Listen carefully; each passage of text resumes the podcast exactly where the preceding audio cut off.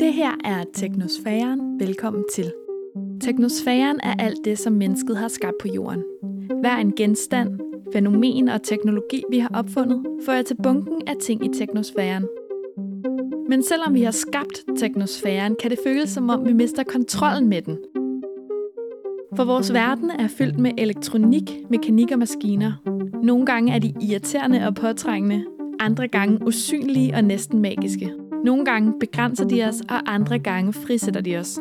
I den her serie kommer forholdet mellem mennesker og opfindelser på prøve, når programmet svært undersøger, hvordan teknologi påvirker netop deres hjørne af verden. Mit navn er Nana Schmidt Nordeskov, og jeg er producer på podcasten her, og altså ikke verden.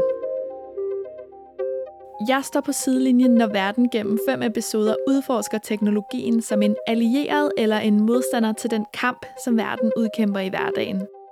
Om teknologien kan hjælpe os med at forbedre miljøet, vores sundhed og meget andet, eller om teknosfæren helt har taget magten fra os. Det her er tredje sæson. Her er Sebastian Lyngård vært.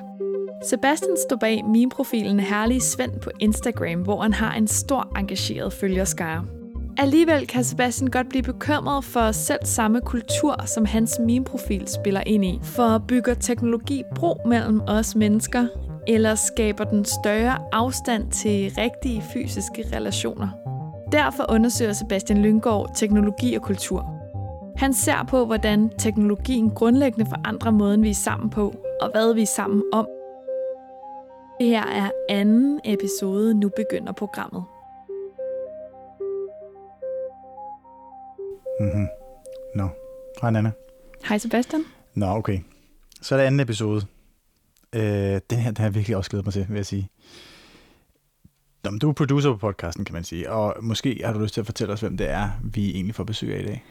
Jo, i den her episode, der kommer Jonathan Smed Iversen, og han er gaming-psykolog, og det, altså, det må jeg indrømme, det var ikke øh, en titel, der var bekendt for mig. Aldrig hørt om det. Aldrig hørt om det. Men egentlig så synes jeg, det giver ret god mening, når man lige tænker over det. Ja, men ja, det gør det, men jeg troede måske også, at det kunne være sådan noget med, at man har jo brug for at blive bedre psykisk for at kunne spille de der skydespil, for eksempel. Ikke? Mhm. Det kunne også godt være, at det var sådan noget den reaktionsevner og alt muligt. Men vi bliver nødt til at spørge ham. Altså, Jonathan Smed Iversens praksis, det handler også meget om at hjælpe folk med at finde et naturligt leje for gaming i deres liv. Mm, og så tænker jeg på, Sebastian, hvorfor ligger det der på sinde, det her med gaming, og den, den, det er sådan, den plads eller den tid, den får lov til at fylde i vores liv? Altså, jo, der er jo det generelle med, at jeg ligesom har en, øhm, ikke en aversion, men jeg er meget kritisk indstillet over for skærmtid, vil jeg sige. Øh, og jeg mener jo, at den ikke kan bringe samme værdi, som de sociale fællesskaber kan. Derudover har jeg måske også lidt personlig erfaring lige her, faktisk, fordi mm, jeg måske øh, haft en tendens til, tidligere i mit liv i hvert fald, at flygte meget ind i sådan nogle computerspil. Og øh, det har ret meget været på bekostning af andre ting i livet, synes jeg. Øhm, og det gik ret lang tid, før, det, før jeg ligesom fandt ud af, at øh, jeg fik faktisk mere ud af at være ude i den virkelige verden. Øhm, hvornår, når du tænker tilbage, hvornår synes du så selv, at dit gamingforbrug var værst eller mest ude af kontrol, eller hvad man kan sige? Altså, det var ikke fordi, at den altså, var 100% gal, vel? Men altså, man kan sige, i gymnasiet, i starten af gymnasiet, var der nok en, øh, en udfordring. Jeg tror ikke rigtigt, jeg var til en gymnasiefest før øh, 3.G. Øh, jeg havde ligesom en, en hule, hvor jeg havde øh, forskanset mig derhjemme.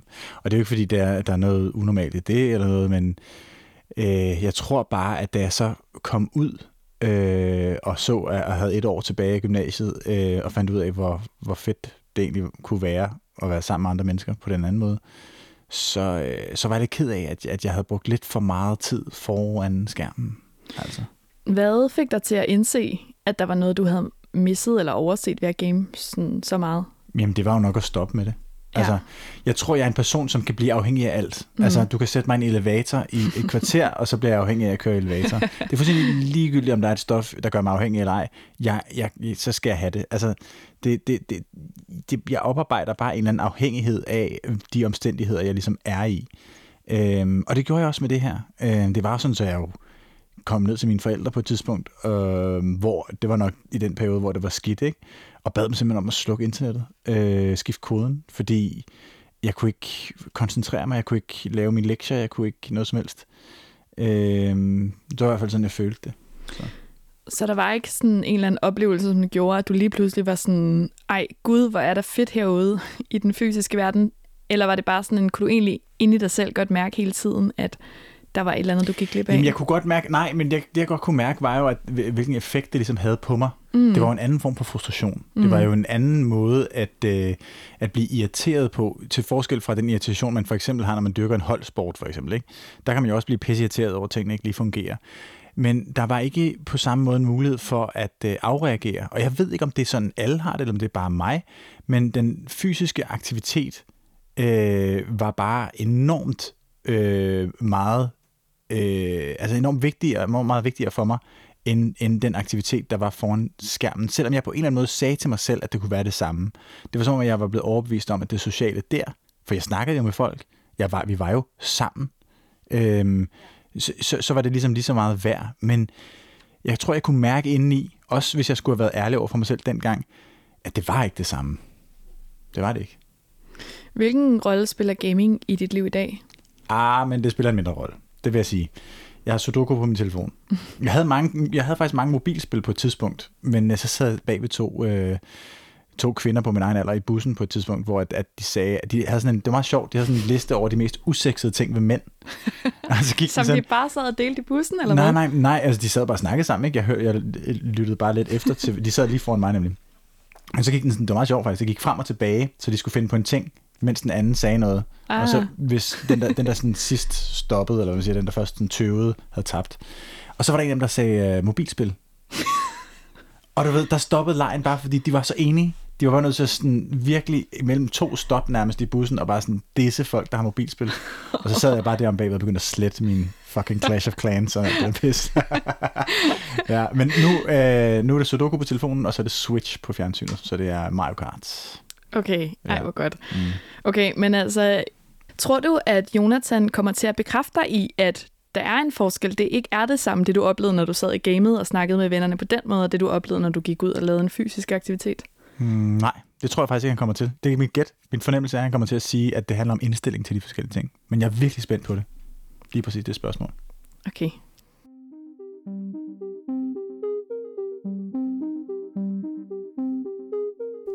Mit navn er Sebastian Lyngård. På Instagram har jeg profilen Herlig Svend, hvor jeg poster memes med nuttede dyr i akavet og meget menneskelige situationer. Herlig Svend er ikke mig, men alligevel kan jeg ikke helt afvise, at nogle af de der pinlige situationer, som dyrene havner i mine memes, de stammer nok rimelig meget fra mit eget, meget virkelige liv. For livet er ofte virkelig tokrummende og ret svært at kontrollere faktisk jo så er det sgu lettere at game og få følelsen af, at man kan besejre den endelige og final boss og vinde det hele. På samme måde som jeg på Herlig Svend trækker folk en lille smule længere væk fra hinanden, så kan man nemt bruge meget mere tid på at øve sig i at game, end at øve sig i at være sammen med andre mennesker. Det fandt jeg selv ud af, da jeg gik i gymnasiet, og der kom jeg måske til at bruge lidt for meget tid på at game på værelset, og lidt for lidt tid på alt det, der foregik væk fra skærmen, alt det, der skete rundt om mig.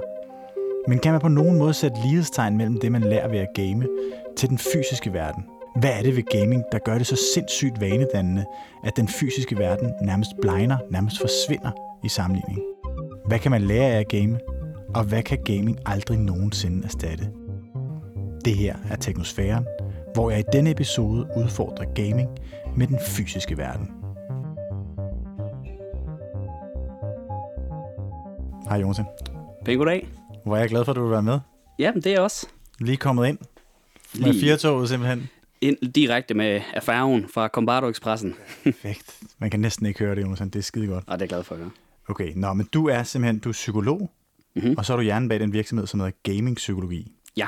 Og så er du med i dag, fordi du skal hjælpe mig med noget. Du skal hjælpe mig med at finde ud af, hvordan samvær, som er medieret af en skærm, adskiller sig fra det altså at hænge ud med vennerne, som mm. man kendte det i fysisk forstand. Øhm, fordi min erfaring, skal jeg sige det, det fortæller mig lidt, at de to ting ikke rigtig kan sammenlignes. Ikke 100% i hvert fald. Nej. Men du bliver nødt til lige at starte helt fra starten af med mig her. Ja. Gaming-psykologi. Hvad er det egentlig? Ja, gamingpsykologi er egentlig arbejde med, hvordan, for mig i hvert fald, øh, det er at arbejde med, hvordan du balancerer gaming et sted, hvor det har en meningsfuld plads i dit liv, uden at det bliver destruktivt. Mm-hmm. Så sagt på en anden måde, det er viden om, hvordan vi bliver trylle, tryllebundet af gaming, og det er viden om, hvad der er konstruktivt og hvad der er destruktivt øh, af selve gaming-aktiviteten. Mm. Og viden om, hvordan vi kan skille mellem, hvornår det er godt og hvornår det ikke er. Min tanke bag gamepsykologi, det var til dels at hjælpe unge mennesker, unge gamere med at bruge det, de kan, hvilket er gaming, til at overføre til noget produktivt i den virkelige verden, så de ikke bliver tabt i cyberspace. Det er den ene del. Den anden del, det er at opkvalificere forældre. Hvordan skal jeg forstå mit barn?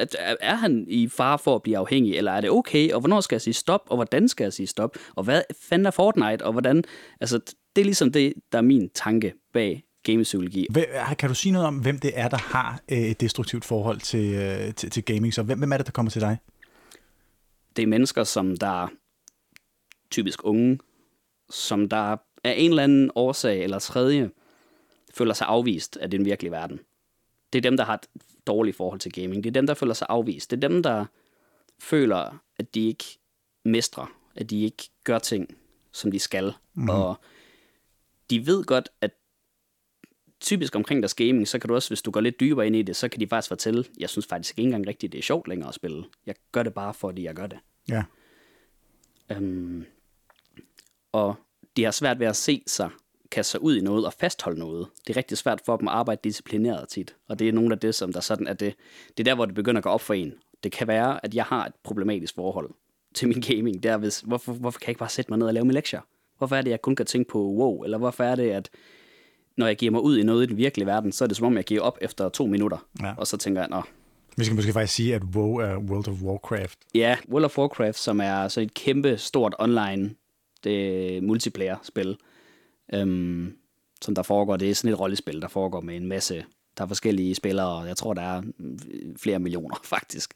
Lige først, dreng, er det drenge eller piger, som kommer til dig mest? Mest drenge. Altså det er mest drenge, jeg har mødt, der har haft et problematisk forhold. Det er ikke, fordi det er en drengediagnose som sådan, men det, altså, jeg, jeg tror, man skal passe på med at kønsliggøre det, men altså, det, min erfaring er det, at det er mest af drenge, jeg har snakket med med problematikken. Så når, der kommer en, når du har en klient hos dig, mm. hvordan arbejder du så konkret med vedkommende? Jamen, lad os sige, at du har en person, der har et utroligt destruktivt forhold til, ikke kan lægge gaming og computer fra sig, så sidder og spiller WoW måske 10 timer om dagen. Har du forberedt dig med det her? Ej, det var, det, det var, din historie, der kommer nu, for det skal jeg lige... Nå, men jeg vil faktisk gerne høre din historie også på et tidspunkt, og høre, hvad, din, hvad din erfaring er, fordi mm-hmm. det er jeg også lidt interesseret i, ikke for at smide dig på behandlingsbænken her live, vel, mm-hmm. men altså, øhm, hvor jeg tænker, hvis der er nogen, der kommer ind og fortæller, at jeg gamer 10 timer om dagen, så bliver jeg interesseret i at høre, okay, det er fint, at du gamer, og det skal vi snakke en masse om, fordi at den ene del af arbejdet, det er at finde ud af, hvad gamer du? Hvornår ja. gamer du? Hvorfor gamer du? Altså, hvorfor det lige WoW? Og det er vigtig information. For lad os nu sige, at du har en person, som der spiller WoW, fordi jeg har behov for frihed. Så er der en vigtig information her, du kan sige, okay, har du frihed i dit virkelige liv? Mm-hmm. Føler du, at du mestrer noget i dit virkelige liv? Ja. Og det er der, hvor jeg tænker, hvis du har et problematisk forhold, så lad os lige finde ud af, hvordan din balance er udenom spillet. Og der vil man jo så måske hvis du har et destruktivt forhold til gaming, ikke, der møder du typisk ikke personen, der får lavet sin lektier, og personen, som der har en masse gode relationer, og personen, som der står op og har en god rytme og har et meningsfuldt liv. Mm. Fordi hvis de havde det, så er der ret stor chance for, at de ikke vil udvikle et destruktivt forhold til gaming. Nej, okay. okay. Så det er en god idé at se, se udenom frem for at kigge. Man kan, man kan sige, at gaming er et redskab. Ja. Øh, det, er ikke, det er et symptom. Det er ikke hoveddiagnosen. Det vil det næsten aldrig være. Ligesom at du, du, nu går der noget psykologi snak i det, ikke? men altså sådan, det er spiseforstyrrelser for eksempel, de, står, de står sjældent alene. Ja. Det er typisk et symptom. Resultat af noget. Det er en symptomledelse, ja. og, og, og sådan kan du se gaming på samme måde. Gaming okay. er ikke ligesom alkohol, hvor det er objektivt set dårligt for dig. Mm-hmm. Gaming det er et redskab, og hvis du bruger det forkert, så er der stor sandsynlighed for, at du får et destruktivt forhold til det. Okay. Hvis du bruger det rigtigt, så er der et stort potentiale. Ja, men nu vil jeg godt lige fortælle dig mm-hmm. lidt om, hvorfor det her emne er en lille smule ømt for mig. Øhm, og det er ikke noget voldsomt eller vildt eller noget som helst, men jeg vil sige, at som jeg sagde til Nana, før du kom ind, at jeg øh, har enormt nemt ved generelt at blive afhængig af ting. Øhm, og jeg øh, brugte enormt meget tid på at øh, spille computer, øh, da jeg var yngre. Og det var for eksempel øh, World of Warcraft, hvor jeg ligesom, når jeg tænker tilbage på min gymnasietid, min første start i gymnasiet osv., øh, så tænker jeg mere på, hvor jeg var henne i Azeroth, den her fiktive verden, øh, mere end jeg tænker på, hvor jeg var til den første skolefest eller noget i den stil. For jeg var ikke til den første skolefest. Øh, jeg var faktisk ikke rigtig til en fest, før øh, 3.G begyndte. Øh, og det vil jeg sige, det havde jeg sgu, øh, det havde jeg sgu svært ved. Øh, men specielt efterfølgende, for jeg synes, jeg gik glip af enormt mange ting. Øh, man kan sige, for mig gik det jo lidt op for mig, da jeg, da jeg ligesom bad mine forældre om at cutte internetforbindelsen, fordi jeg kunne, mm. jeg kunne ikke styre det selv. Mm.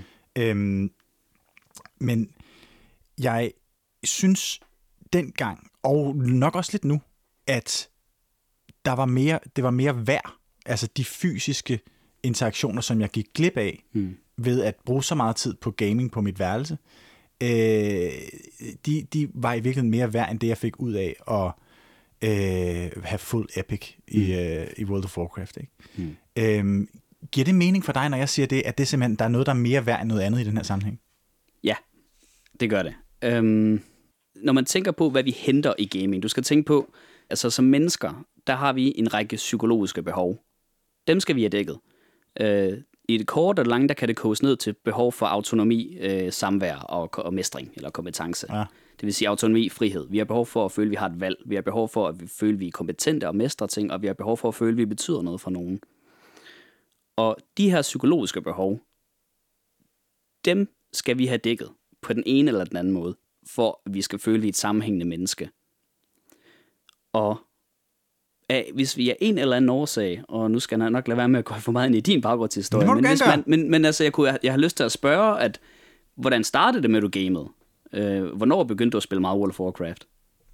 Jamen, det gjorde jeg jo... Øh... Det gjorde jeg jo faktisk relativt til de andre, der spillede ret sent. Jeg begyndte jo i 9. klasse, tror jeg. Mm-hmm. Øhm, og det var ikke fordi, at jeg på den måde havde problemer. Øh, jeg tror bare på en eller anden måde også, at jeg havde brug for at være i fred. Ja. Altså, for mig var det der, jeg, altså, jeg slappede af, simpelthen. Altså, ja. det var jo... Mm. Men, men, men når jeg så tænker på den form for afslappning, og nu bliver det lidt kontroversielt, når jeg tænker på den form for afslappning, som jeg fik der, mm. så minder det mig lidt om den gang, jeg begyndte at ryge cigaretter. Ja. Altså, nikotinen. Ja. Det var som om, at det var et stof. Det er godt forstå, du siger. Øhm, fordi altså, det der er med det, nu, nu snakker vi om det her med de behov. Det gaming kan, som ingen andre medier kan, hverken en bog, eller en tegneserie, eller en film, eller den virkelige verden øh, med venner, det det kan, det er, det kan dække de her behov, som jeg lige snakkede om før. For det er det designet til. Det er designet til, jo flere timer du sidder i et spil, så er det designet til, så skal du mestre det. Så skal du ja. få dit fuld epic, som du sagde, mm-hmm. altså dit, uh, dit, gear. dit, dit gear, lige ja. præcis. Det er designet til, fyr nok timer i, så skal du formentlig nok få det. Um, og det er alle spil skaleret på en eller anden måde, og det er jo meningen, for det er en del af aktiviteten. Det her det er pro- kompleks problemløsning, som der er designet til, at jo mere arbejde du putter i det, jo større sandsynlighed, og sådan nærmest med sikkerhed, så får du en succes og en belønning. Ja. Det vil sige på en anden måde, du er gået ind væk fra en verden, hvor at psykologiske behov øh, ikke er et must. Det er ikke en sikkerhed, at du får dem dækket. Fordi sådan er verden ikke indrettet. Nej. Verden er ikke indrettet til, at du skal have dækket dine behov for at høre til. Det er noget, man arbejder disciplineret og hårdt imod, og, til, og nogle gange er privilegeret med. Hvor i gaming, oplevelsen er fuldstændig lige så ægte, som det, du får i den. Altså, oplevelsen er ægte. Det, det er noget pjat at sige, det er falsk. Den er ægte, men den er fabrikeret. Så det vil sige, at så nu, når du laver den her analogi med at ryge, ja, du går ind i en verden, der er designet til at dække alle dine behov, og give dig en følelse af at altså, du, altså, nu snakker vi så meget om World of Warcraft, og hører mm-hmm. til i Azeroth. Jeg, ja. jeg betyder meget for min alliance, ikke, og for mm. min guild. Jeg betyder meget for verden. Jeg er faktisk helten i det her ja. spil. Øh, jeg har frihed. Jeg kan, ved at tage en dungeon, eller ved en raid, eller ved mm. at mhm. spille noget PvP, eller ved at lave nogle, nogle dailies, quests, eller noget. Altså, ja. Altså, hvad vil jeg lave i dag? Det har jeg selv øh, styr på. Og jeg kan bare se, at mit gear bliver bedre og bedre. Gear er equipment. Altså, det er en, en rustning, eller en økse, eller hvad det må være, et svær, eller Ja, mm. så altså... For det er designet til, jo mere tid jeg bruger, Præcis. jo bedre bliver jeg at se ud. Men er, ja. det, er det så den, hvis man kan sige, det, at det er, du siger, det, man er ligesom garanteret en form for psykologisk gevinst her. Mm. Er det mhm. så, kan man sige, at gaming er den nemme løsning så? Det er den sikre løsning. Den sikre løsning. Absolut. Og det, man skal sige her, det er jo, at nu kan man ikke se det, men jeg sidder tit og laver fakterne og skal fortælle det her, for du har to verdener, den virtuelle og den virkelige. Og man kan sige, der er ikke noget galt i, at du får dit behov dækket for gaming. Det er sgu da fedt, at du kan få den her meningsfuld, altså sådan, man kan sige, at du får dækket din behov, jamen det er jo på mange måder næsten objektivt set meningsfuld aktivitet. Det er jo godt. Problemet er bare, hvis du kun får det fra den virtuelle verden, så får du et lidt forskruet verdenssyn, når du prøver at begive dig ud i den rigtige verden igen. Ja. Fordi det, der så ofte sker, det er, at du har været i den her verden, som du har trykket dig til af en anden eller tredje årsag, og du har fået dækket din behov i nogle måneder, hovedsageligt derfra, måske endda kun derfra. Mm-hmm. Hvad sker der så første gang, du går ud i den virkelige verden og skal til at gå i skole igen, eller skal til at snakke med en, øh, måske gå på en første date, eller måske... Uh, ja. ja. Formentlig falder du fladt på ansigtet. Øhm, Ja, det- og, og det er jo ikke unormalt, at det gør vi jo alle sammen. Problemet er bare, mennesker, der er vant til at skulle arbejde disciplineret, ja. de falder fladt på ansigtet og rejser sig op igen. Mennesker, der har levet udelukkende i en verden, hvor man har, har altså, har fuldstændig fri adgang til at få dækket sin behov, de falder fladt på ansigtet, og de tager det som bekræftelse af, jeg er udulig. Ja. Jeg fungerer jo tydeligvis ikke i den her verden. Så kan jeg sgu da lige så godt tilbage til, hvor jeg fungerer. Hvor jeg fungerer, ja. Præcis. Så på den måde, det er jo cigaretter i den forstand, Mhm. mm-hmm. og det er jo destruktivt. Hvor man kan sige, hvis du er et velfungerende menneske, et helt menneske, der får dækket dine behov i den virkelige verden, og ejer disciplin og kan behovsudsætte, og arbejde mod dine målsætninger, og rejse dig op, når det går galt, for det går galt, ja. Så er det ikke destruktivt at game længere. Fordi så er det et supplement. Og så kan man sige, så er det sgu da bare fedt, at du kan cutte lidt af, når du kommer hjem fra en forfærdelig røvkedelig arbejdsdag, og kan få lidt, få lidt gratis dopamin, for ja. At sige det rent ud. Så det, det, den oplevelse, hvis jeg må være så kæk og sådan 12 på det, som, som du har oplevet, der har du måske siddet lidt fast i den her verden, der har været meget designet til at give dig en følelse af at være en bestemt person og få dækket din behov. Og når man så igen skal kæmpe sig ud til første gymnasiefest, så skulle der ikke meget til for at ødelægge den fest, kunne jeg forestille mig, fordi der skulle ikke meget til at fortælle, der skulle ikke meget til at fortælle, at wow, jeg kan godt det her. Der skulle nogle få succeser til at fortælle, jeg, jeg hører til, men der skal virkelig heller ikke særlig meget til at fortælle dig, du er ikke god nok. Okay, altså du, du siger så blandt andet, at du godt kunne tænke dig både at beskæftige dig med gameren, men også med gamerens omgivelser, altså for eksempel forældre, Ja. som måske især har kommunikationsvanskeligheder med den gamende, og mm. øh, altså for eksempel mine forældre, der vil jeg sige, der kan jeg godt tage rollen som den gamende i hvert fald. Hold da kælderdøren lukket, mand. Mm. Jeg, når jeg kigger tilbage på det, så nogle gange, så tænker jeg sådan, jeg ville sgu gerne have haft hjælp. Jeg ville fandme gerne have haft hjælp noget tidligere fra mine forældre. Kunne de have gjort noget som helst? Kunne de have sagt noget som helst til mig, der havde ligesom hjulpet mig til at få i hvert fald et sundere forhold til gaming? Ja. Øhm, hvis, jeg, hvis jeg havde fået dine forældre og dig i hænderne dengang, øhm, Hvad havde du så sagt til mine forældre, tror du? Jeg havde først spurgt dem, hvad spiller han? Ved I, hvad han spiller? Ved I, hvad det handler om? Hvad vil I svare så, tror du? De ville ikke ane det. De vil ikke ane De det, ville nej. ikke ane det. Nej, og jeg tror, det vil rykke på meget. Nu kan man sige, at du gik i gymnasiet, men havde du været lidt yngre og, og, og sådan lidt mindre selvstændig, det at de var gået ind og spurgt, hvad spiller du skat? Hvad, hvad handler det om? Hvor, hvorfor, hvorfor er den mand den farve? Og hvorfor, hvor, hvorfor har han sådan en stor hammer? Og hvad, hvad går det her ud på? Hvorfor er I så mange mennesker? Så havde du følt dig hørt. Og jeg ved godt, at det er en lille ting, men for at du overhovedet har været åben over for, at de skulle begynde at regulere dit forhold, så skulle de skulle da forstå, hvad fanden det er, I snakkede om. I skulle forstå, hvad det er, der var tale om, hvad gaming var. Så det er vigtigt at udforske, hvad er gaming for mit barn? Og, og hvorfor gør han? Fordi hvordan skal jeg kunne finde ud af, om noget er et problem, hvis ikke jeg ved, hvad forholdet er? Det er jo ligesom, hvis der er nogen, der er bange for, der har et misbrug. Man er jo nødt til at finde ud af, hvad misbruget er, og hvad det handler om. Så det vil være det første skridt for dine forældre. Det næste, jeg så vil gøre, hvis jeg nu havde dig i hænderne, og mm-hmm. også ved siden af, det var at snakke med dig om, hvordan går det i skolen? Ja. Hvordan går det med, med, med, med, med, med kammeraterne? Hvordan går det med, med, med, med familien? Er du glad? Er du ked af det? Du- Og, og prøve sådan at lave lidt arbejde i livet rundt om selve gamingen. Mm-hmm. Fordi ja, det er svært for dine forældre at vide den der klassiske med, at øh, hvorfor kan du ikke bare trykke pause, når vi skal ned og spise aftensmad? Ikke? Altså den der Ja. med, hvis du er midt i et raid, og så Ja. kommer din mor og siger, nu er det spisetid, og du sidder og tænker, "Jamen, jeg kan ikke Det er pause." online, mor! Det er online, jeg kan ikke trykke vi er pause. 40 mennesker! Præcis.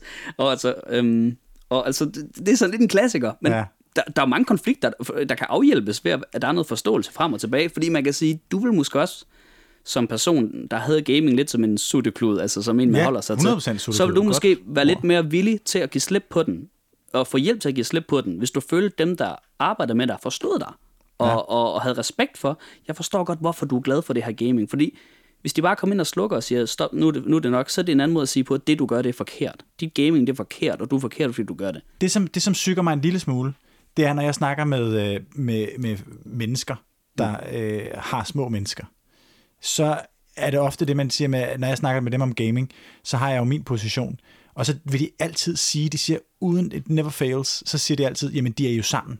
Hmm. De er jo sammen. De er ja. jo sociale. Men er de det? Ja, altså det kommer også lidt an på, tror jeg, hvem, hvordan du er social. Fordi man kan sige, der er mange måder at snakke med folk online på. Nu sagde du selv, altså det med, da du spillede WoW, så var det måske kun i de store raids, og det var formentlig med mennesker fra alle mulige andre lande. Mm-hmm. Og man kan sige, den online-fællesskab omkring gaming i sådan Discord-server med folk, man møder online og snakker med online fra andre lande, det, det er en måde at være social på, men man kan sige, kunne det være en måde at være lidt gratis social på, hvor man trækker sig væk fra og være i et klasserum, hvor man ikke helt føler, man hører til, og så kan man lidt nemmere tænde og slukke mikrofonen online og trække sig, når det bliver for meget, eller sådan være lidt mere sådan beskyttet, fordi du sidder bag en skærm. Det tænker jeg, det er vel en vigtig pointe, at hvis det er den måde, du er social på, altså gennem et lidt beskyttet filter online, med igennem bag et brugernavn, bag en avatar i WoW, eller hvad det må være, det er en måde at være social på. Og man kunne godt måske argumentere for, at det ikke er den sådan rendyrket socialhed. Det Nej, er fordi det er meget på ens egne præmisser jo, ikke? Ja, for du kan slukke, når du vil. Præcis. Øh, og igen, du behøver ikke vise dit ansigt. Du behøver ikke være på det. Altså, hvis man, man kan sige, det, hvis man har sådan en rigtig kraftig social, social langst, så kan det jo være en stjernegod måde at indfase noget socialt arbejde. I stedet for bare at falde padas på hovedet, når man prøver i den virkelige verden og føle, at man slet ikke hører til, så kan det jo være godt. Jeg har svært ved at, at, at svare på det, fordi jeg var egentlig ikke som sådan øh, social i spillet sådan altid. Jeg havde faktisk også brug for, at det var, bare var mig. Mm. Øhm, og man chatter jo med folk, for eksempel i World of Warcraft, ikke? Mm. men man får vel ikke det samme ud af det, som at stå over for et andet menneske, for eksempel. Det tænker jeg og spille, sådan skulle tvinges til at kommunikere, hvor man skal hen i verden. Og Nej, sådan det er noget andet. Jeg, jeg har ikke lyst til at sige, om det er godt eller skidt i sig selv, fordi det er noget andet. Mm-hmm. Øhm, jeg synes ikke, det er sammenligneligt med, med at være sammen med dine skolekammerater, med at være sammen med nogen i virkeligheden. Jeg synes, det er socialt, men jeg synes ikke, det er sammenligneligt med at danne dig relationer med dem, du kender i virkeligheden. Betyder det, at nogen, du møder online, ikke kan være en rigtig ven? Nej, absolut ikke. Du kan have et utroligt profound og dyb øh, forbindelse til nogle online mennesker. Det, det vil jeg aldrig nogensinde øh, tage fra nogen. Men det er da rigtigt, og det er da vigtigt at have for øje, at der kan da godt være, altså det er noget andet til at starte med. Det kan jo være, at det udvikler sig til noget reelt, men det starter på en anden præmis. Og det er da rigtigt nok, at i og med, at det foregår online gennem en chat, øh, eller noget, hvor du kan lukke vinduet, eller hvor du ikke behøver at vise dit ansigt, jamen, så er det jo nogle andre cues, der er på spil, end når vi to vi sidder over for hinanden. Øh, jeg kan jo ikke bare gå ud af døren, hvis jeg ikke gider at høre på det længere nu. I hvert fald ikke uden, at det vil, øh, øh vil, vil skabe en reaktion i jer, der sidder herinde. Ikke? Så, mm. så man kan sige, på den måde, så er der jo nogle andre spilleregler på spil her. Og i forhold til det der med, når du, øh, igen, han er der socialt, han snakker med sine klassekammerater, Mathias og Rasmus efter skole, når de gamer. Altså, der vil jeg måske være inclineret til at sige, jamen altså, hvis de kommer kammerater op i skolen og udenfor, eller hvad det er, mm, så er det vel en reel social aktivitet, de har gang i. Kunne man bruge den sundere med at spille fodbold? Sure.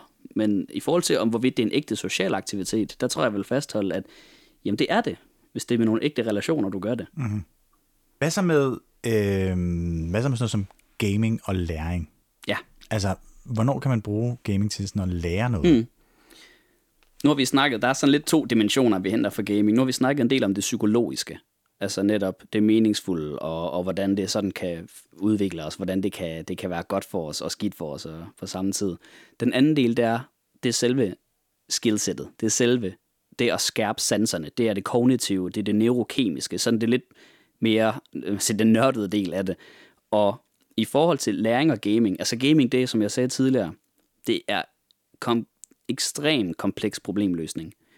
Øhm, mere end nærmest nogen anden aktivitet. Og det, man ofte finder ved gamere, der spiller rigtig meget, det er, de har nogle ekstremt skærpede kapaciteter for opmærksomhedsregulering. Øhm, der er lidt en myte om det her med, at, at, man, at, at gaming det smadrer din, det rådner din hjerne, og det er faktisk komplet modsat i den forstand, at det skærper faktisk din hjerne utrolig meget. Så altså, hvor den sådan gængse person kan holde øje med sådan tre, måske fire øh, genstande i bevægelser, og sådan track dem og holde øje med, om der sker ændringer.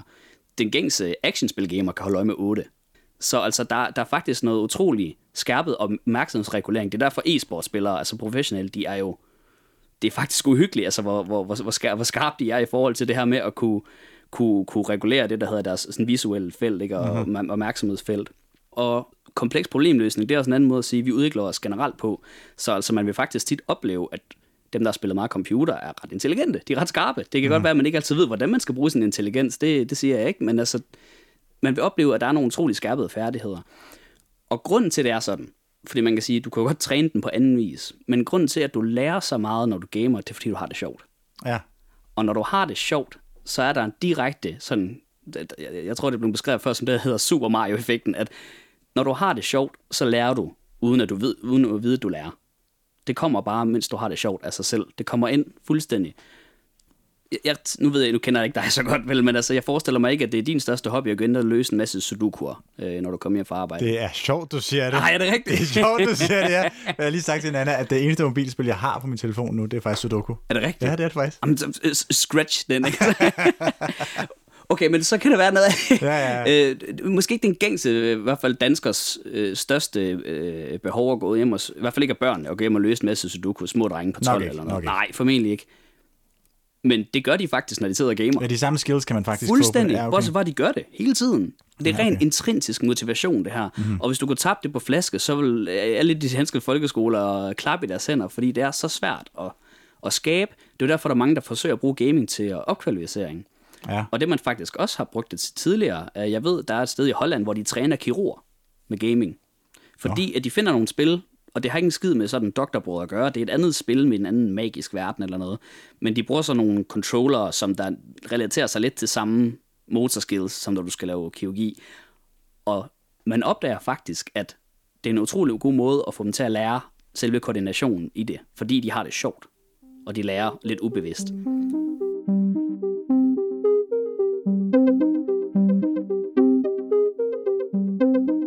Okay, Sebastian, lige mm. to sekunder. Altså, øhm, nu snakker jeg om det her med, hvornår gaming er sundt og sådan noget, ikke? men der kan jeg ikke lade være med at tænke på sådan, apropos usundt, så kan man vel ikke helt komme udenom, at der er noget, som gaming aldrig kan, og det er at få pulsen op og mm. få noget fysisk ind i ens liv, som man vel altså har brug for, uanset om man har lyst til det eller ej. Altså, øh, kunne det være, at I lige skulle dreje samtalen lidt den vej? Ja.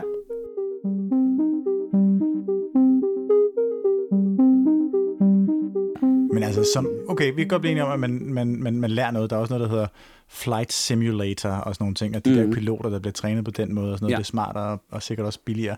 Men altså, så bliver jeg nødt til at sige, man lærer jo også af øh, at spille fodbold, for eksempel. Ikke? Ja, Altså, og, og der, der, når jeg tænker tilbage på min gaming-tid, så tænker jeg jo, kunne jeg ikke bare for fanden have rendt ud og øh, spillet fodbold og få nogle øh, venner og mm. få nogle andre skills, som jeg vil kunne bruge i dag. ja. Øh, altså, jeg i, i søvne kan jeg tegne hele øh, Azeroth, hele World of Warcraft-verdenen, ikke? uden problemer. Men hvis jeg havde brugt den samme tid, som jeg ubevidst brugte på at lære det her, mm. med den her fuldstændig latterlige geografi, som ikke engang findes, der kunne jeg jo have lært at tage 100 på foden samtidig. Ikke? Det ville jeg da hellere kunne. Jamen, Jeg og, tænker da også, at jeg ville være gladere af det. og, og okay, og fair nok, kan man sige, at det, det giver da også mening et eller andet sted, for man kan sige, du kan jo ikke lære, den sociale del, den kan du ikke lære i gaming. Altså det er jo det, du kan jo ikke lære okay. Menneskeskills via gaming alene. Nej. Det vil i hvert fald overraske mig, hvis du mm. kan. Øhm, det er noget, du skal lære i samkøb med andre mennesker. Øhm, og, og det er rigtigt nok, altså har du det som største værdi at kunne tage 100 på det ene ben, eller har du det som stor værdi at kunne have et ekstra skærpet opmærksomhedsfelt? Mm, jamen, det er rigtigt. Det ene er vel umiddelbart brugbart den andet. Man kan sige, hvis du har været, øh, hvis du har været dronefører i herren, så tror jeg, du har været rigtig glad for, at du har spillet så meget World of Warcraft. Um, Ja, det det det er du så tilfældigvis ikke. Øh, nej, Men det er Endnu, rigt- altså. Endnu, nej. Nu kan det altså, da godt være, Nej, men man kan sige, en potentiale ligger der måske i hvert fald. øh, men, men, men det er da rigtigt nok, at i forhold til den del, i forhold til den virkelige verden, der er der altså noget, du ikke kan hente i den visuelle. Nej, og okay. det er det relationelle. Du kan ikke hente, det det er lidt tilbage til det her med det psykologiske behov, du kan ikke, det er fabrikeret, den mm-hmm. del af det. Det relationelle er fabrikeret, det er ikke ægte. Ja. Det kan du finde i fodbold. Og det er rigtigt nok, der er jo også noget fysisk i det her med, det er nok at sidde og spille 10 timer om dagen, formentlig ikke en god idé. Øhm, for hverken din holdning heller, eller noget andet, sådan Nej. rent fysiologisk. Nej. At spille fodbold, sådan objektivt set, nok lidt bedre for din krop generelt set. Nok lidt bedre for Så altså, der er jo også noget her, hvor det simpelthen ikke er sammenligneligt. nej. Øhm, men hvis du vil snakke med, hvad du henter, så kan man sige, det henter du ligesom du henter det fra at løse matematikopgaver hele tiden. Ja. Der er noget, du løser. Og ja, havde det været tid godt brugt. Det er jo sådan lidt, det er vel egentlig også lidt subjektivt i forhold til menneske til menneske. Ja, men det kan måske godt være, at man kan snakke om, at man kan hente noget fra begge verdener, ikke også? Fordi mm. sådan et øh, hold som øh, det, det hold, der blandt andet spiller CSGO jo, Astralis, ja. De fandt jo også ud af, at hey, det gav faktisk ret god mening, hvis vi begynder at løfte lidt vægte og være ja. i en bedre form, ikke? Så der henter de jo også noget fra, fra den virkelige verden, hvor de kan supplere. Absolut. Jeg har sådan lidt som en, en lille bi, øh, øh, bierhverv, der arbejder faktisk som mentaltræner inde i e-sport. Kan um, bare se. Ja, lige præcis. Øh, og noget af det første, udover alt det psykologiske, der er, altså performance-modellen, den hedder, der er noget psykologisk, der er noget fysiologisk. Det vil sige, hvis du vil performe på banen, og det er altså også op i hjernen der, mm-hmm. så skal du simpelthen være i ordentlig form. Det duer ikke, at du sidder og æder chips dagen lang. Det duer ikke, at du er i dårlig form. Det duer ikke, at du ikke at udstyret ikke er i orden kropsligt. Så fungerer hjernen heller ikke lige så hurtigt. Så det er jo rigtigt nok, at der er noget fysisk her, vi ikke kan ignorere. Øhm, så, så det giver jo selvfølgelig mening, ligesom at de sidder og træner deres, alt det vi lige har snakket om, det har de lidt styr på. De har styr, ja. på, de har styr på det kognitive arbejde, de har styr ja. på opmærksomheden, de har styr på reflekserne. Men det er rigtigt, at man sådan senere har fundet ud af, fordi det ikke er kommet i natur. Oh, vi skal også lige indføre noget træning og noget kost. Ja. det er også lidt vigtigt, fordi vi kan ikke leve af Doritos og cola og, og aldrig nogensinde være oppe at træne. Som jo er altså nationalretten for gamere, kan man sige. Ja, så det, er 100, det er også det, jeg lader mig. 100 procent. Kaster du lige under bussen der? Uh, ja, det var også synd. Men hvad, kan man så sige noget om, øh, nu siger vi, okay, men altså gaming er jo endnu en måde, hvor vi ligesom, nu, nu bliver jeg kritisk igen, men altså, mm. jeg føler lidt, at min holdning lidt er øh, 50 år ældre, end jeg er på den her front nogle ja. gange. Men det er måske også det her, der har formet dem faktisk. Ja. Øhm, men gaming er endnu en ting, som ligesom har sat en skærm mellem os. Ja. Hvad, og det kommer jo til at ske i højere og højere grad. Så, mm. Hvad tror du, hvilken effekt tror du, det har på den måde, vi er sammen på som mennesker? Jeg gætter da på, at det her med skærm bliver større og større. Det betyder, at der kommer til at foregå mere og mere online. Mm-hmm. På godt og ondt. Ja. Øhm, så det tænker jeg, at, og jeg tænker faktisk, at gamere og dem, der er i det miljø, også på godt og ondt, går forrest i den. De har styr på teknologien, eller man har styr på teknologien, man har været god til at organisere ting online, og, og det her Twitch-fællesskab, er, som er et helt unikt, altså det er den der klassiske med, med forældre kommer ind og siger, hvorfor du gider at sidde på ham der kigge? Nej, undskyld, sidde og kigge på ham, der sidder og spiller, i stedet ja. for selv at spille. Ja. Det er, en, altså, det er et mærkeligt fænomen, man har ja, svært ved at forstå. Jamen, hvorfor, hvorfor gider man se sådan en let's play med en eller anden, der spiller ja. noget andet? Ja. Øh, og så måske endda donere penge til vedkommende. Men der er en community-følelse her, der er en fællesskabsfølelse, der er lidt svært at, at, at, at genskabe andre steder i virkeligheden. Mm-hmm. Der er et eller andet utroligt tilgængeligt. Jeg er ikke helt, altså jeg er ikke helt sikker på, jeg har faktisk virkelig til tænkt over lige med Twitch-streaming og, og den der online fællesskabsdel, at der er noget sindssygt let tilgængeligt her, jeg er ikke helt sådan, som jeg ikke tror kan replikeres i den virkelige verden nødvendigvis. Det kan være at tage fejl. Øhm, så man kan sige, det er jo med til netop at forstærke den virtuelle verden en lille smule. Ja, og det er jo, det er jo sådan noget, det bliver jeg jo skide nervøs over, at ja. du siger, faktisk. Ja. Tror du så med udgangspunkt i det, at vi får flere usunde gamere i fremtiden? Øh, nu håber jeg, at jeg er med til at bevirke, at vi ikke gør det. ja. Men øhm, jeg tror, jo mere vi lader os styre af noget, altså jo mere på godt. Fordi igen, der er mange fordele at hente her, så det kan være lidt svært for mig at sige, fordi det kan også være, at vi udvikler vores viden. Forhåbentlig, så bliver vi klogere på gaming i takt med, at det overtager så mange dele af os. Så min forhåbning, hvis jeg skal være optimistisk, det er, jo mere vi lærer om gaming og bruger det, jo nemmere bliver det for os at håndtere og forstå. Mm-hmm. Men det er lidt som om, vi skal, vi er lidt i den her vende, det her sådan, vi er lige i den her periode lige nu, hvor at det er ret moderne og ret stort, og knap så meget en niche, som det var for 20 år siden. Men vi er ikke helt fuldt med på alle parametrene, så vi har lidt svært ved at få, få det integreret ordentligt i vores øh, system som og, samfund endnu. Og det, hvad, kan du prøve at beskrive den ideelle integration så i vores system? Hvad, hvad mangler vi? Ja, viden. altså viden og forståelse, tror jeg. Jeg tror, det er den bedste måde, jeg kan sige det på. Det er så unikt et medie, det her. Det er noget interaktivt. Det her, vi har arbejdet med film, vi har arbejdet med bøger, vi har arbejdet med streaming og alt det her, altså serier. Men det her med gaming, det gør noget andet.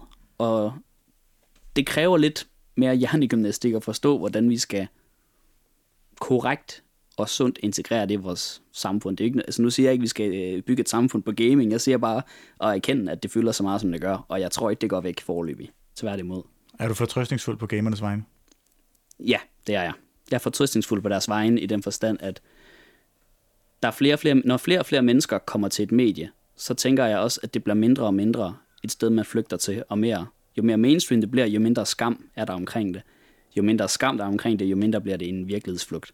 Okay, ved du hvad, jeg, kan, jeg synes, vi skal slutte på den her fortrøstningsfulde note, Jonas. Ja. Tusind tak, fordi du kom, og tusind tak, fordi du var med her i dag. Jamen selv sagt, det var en fornøjelse. Det synes jeg også. Det gik da meget godt. Jamen, det gik da så godt. Ja. Altså, ja. Sebastian, fik du lige en øh, gratis psykologtime lige der? Ja, den, øh, jeg ved ikke, om der kommer en, en faktura. Han, nu har han mine oplysninger stadig. Det kan godt være, der kommer en anden. Men det var sgu, øh, det var sgu ret godt. Han var sgu god. Det synes jeg virkelig også, og jeg synes, det var vildt interessant at høre jer to i samtale, og ja. At du kom på banen med din egen historie. Ja, der er man jo nødt til, og jeg tror, jeg blev, jeg tror ikke, jeg tænkte over, at jeg egentlig gav noget af mig selv der. Øhm, jeg, jeg var bare så interesseret i at høre, hvad han havde at sige til det, tror jeg. Fordi det er noget, jeg selv tænker over ret ofte, så det var meget sjovt. Ja. Mm, Men det kunne man godt mærke.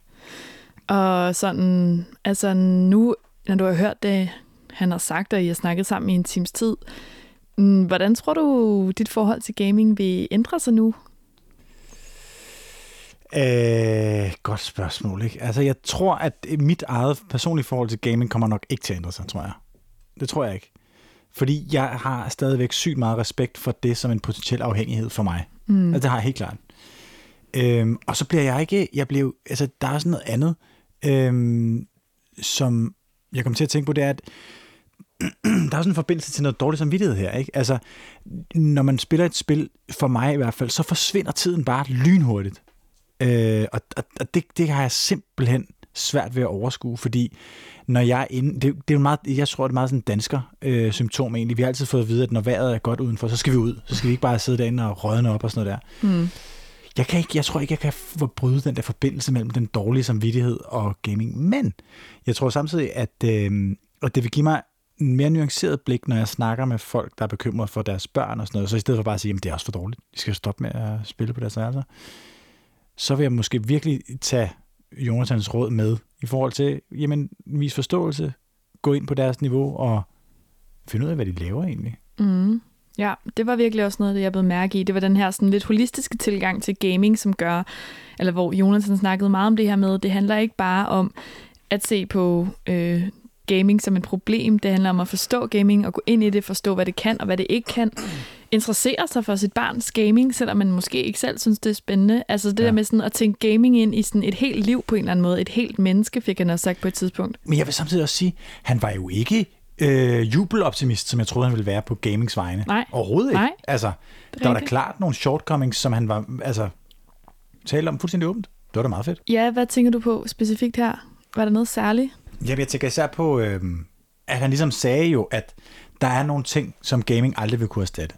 Det sagde han jo selv. Ja.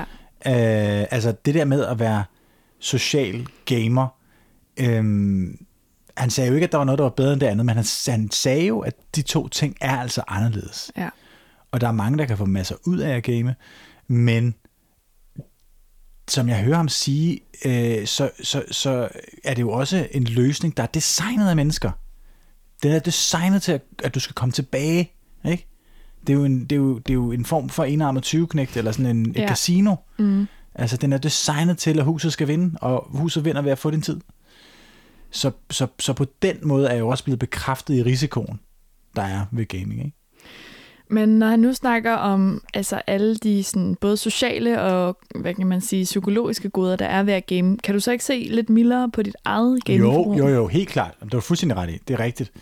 Det gør jeg også, og jeg, jeg, jeg har jo også, jeg kommer også ind i det her med et meget sådan unuanceret blik på det, hvor jeg sådan, som, som jeg også sagde til ham, øh, til Jonathan, at, at jeg ser det bare som en afhængighed, og som et altså lidt mørkt kapitel på en eller anden måde. Mm. Øhm, men, men det der med, at, altså det var underligt ikke, men det der med at høre et andet menneske sige, det er sgu okay, altså du må sgu gerne game og sådan noget. Det var en enorm lettelse. Ja, Ja. Ja. ja. Og lige ved at tage min sudoku-maskine frem her.